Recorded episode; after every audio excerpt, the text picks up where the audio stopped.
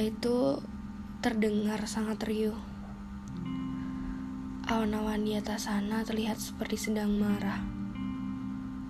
Berteriak penuh gelegar.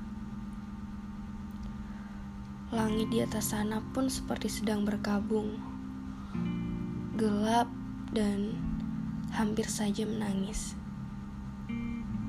Dan benar saja, tangisnya pecah. Meskipun begitu, alih-alih bubar, lapangan di depan sana malah semakin ramai. Mereka menari-nari, menikmati kesedihan langit.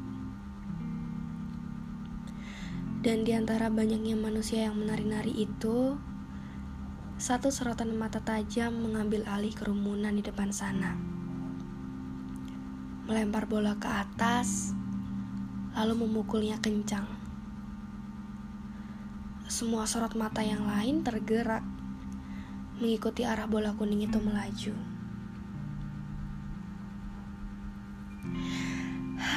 Semesta, bahkan aku gak pernah lupa hari itu.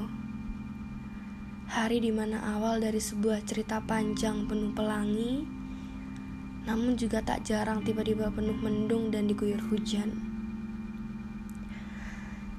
Cerita panjang penuh tawa sempurna, begitu apa adanya, tanpa dibuat-buat. Memang, tawa penuh kasih itu tak pernah dibuat-buat adanya. Senantiasa mengalir begitu saling bertemu dan mulai mengeluarkan banyak kata. Aku menyebutnya elang.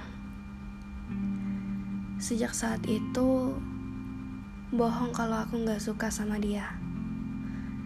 Bahkan pandangan mataku gak bisa lepas dari sosoknya.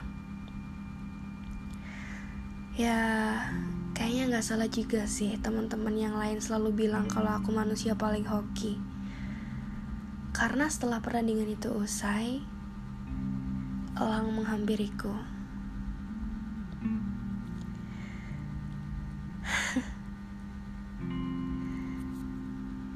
Terang-terangan mengajakku berkenalan.